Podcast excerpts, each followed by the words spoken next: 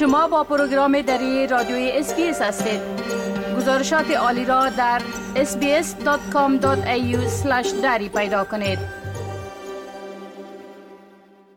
حال با جاوید روستاپور خبرنگار برنامه دری رادیوی SBS برای جنوب آسیا. از طریق تلفن به تماس هستیم که اونا درباره تازه ترین رویدادها در افغانستان معلومات میتن آقای روستاپور با عرض سلام. خب اولتر از همه گفته میشه که در برابر اقدام وزیر تحصیلات عالی طالبا در ارتباط به دعوت استادان پوهنتون به برگشت به کشورشان عکس های نشان داده شده. بله؟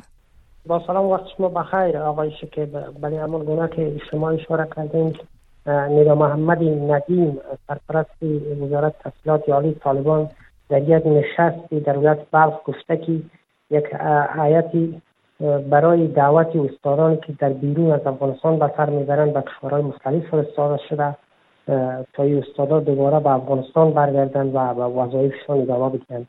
این ادارات واکنش های تنگی در شبکه های اجتماعی و همچنین استادان پانتونا که پس از حاکمیت طالبان افغانستان را ترک کردند واکنش هایشان را برانگیخته.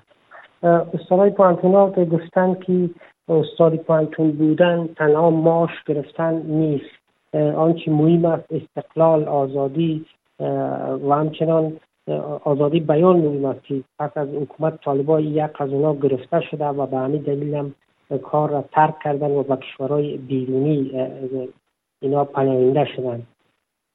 شماری از استادان هم گفتن که وزارت تحصیلات عالی طالبان در کل حکومت طالبان نخست دروازه های مکاتب و پانتونا را برای دختران باز کنه و پس از استادا دعوت کنند که به افغانستان برگردند.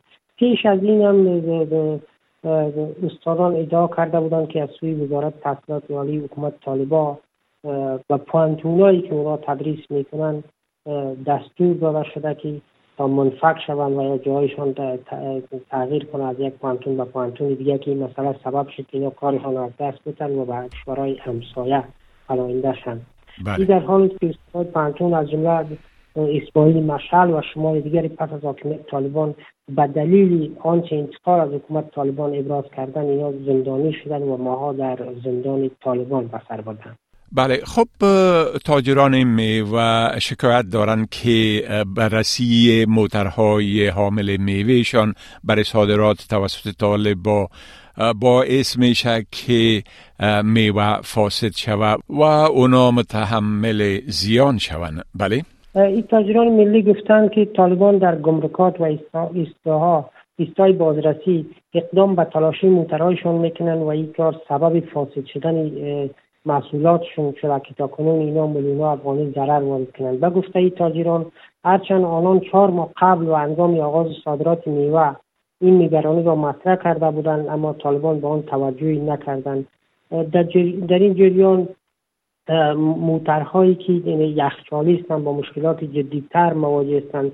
چون این موترها میوهشان خالی می‌شد و پس از اینکه موترها تخلیه شدن یخچال موتر آب می‌شد. این آب شدن داخل یخی که داخل یخچال از سبب فاسد شدن میوه می‌شد. و گفته راننده ها 50 تا 60 درصد میوهی که به این موتر بار است از بین میرد اتحادیه میوه فروشان هم گفته که بیشتر آسیب به بررسی موترا و تاجران و باغداران می‌رسد. او خواستار جلوگیری از اقدامات شده و گفته که در این مورد با مقامات امنیتی طالبان در, در تماس است و تلاش دارد تا پیش از اینکه موترا بارگیری شند طالبان بیاید و موترا را بررسی کنند و دوباره نیاز نیست که در گمرکات موترا را دوباره بارشان پایین بالا کنند. و گفته این که سببی از بین رفتن یا فاسد شدن این میوه ها نشود.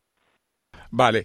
خب گفتم میشه که مسدود شدن یا مسدود ماندن تونل سالنگ هم مشکلات فراوان را برای موترداران و مسافرین به بار آورده بله؟ سالنگ از مدتی به این طرف به دلیل ترمیم و بازسازی از سوی وزارت فواید عامه حکومت طالبان مسدود شده که مسدود شدن این بزرگترین رای ترانزیتی افغانستان برای هزاران مسافر و کاروانهای تجارتی که مشکلات زیادی را به وجود آورده.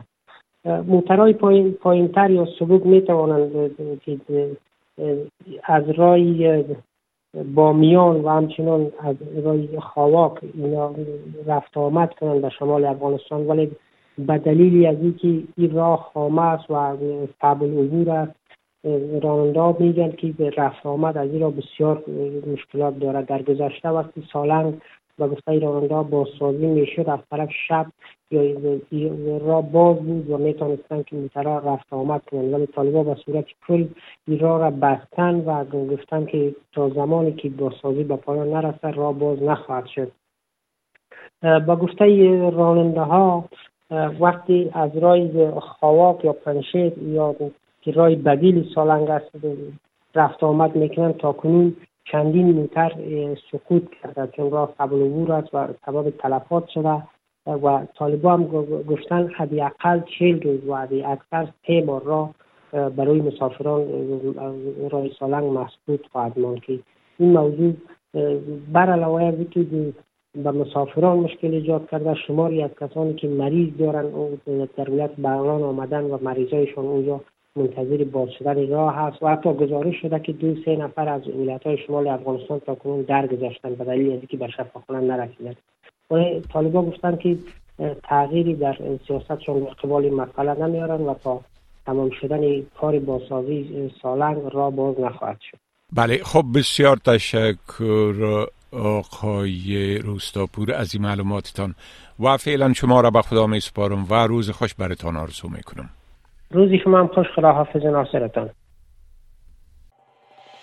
می خواهید این گونه گزارش ها را بیشتر بشنوید؟ با این گزارشات از طریق Apple Podcast، Google Podcast، Spotify و یا هر جایی که پادکاستتان را می گیرید گوش دهید.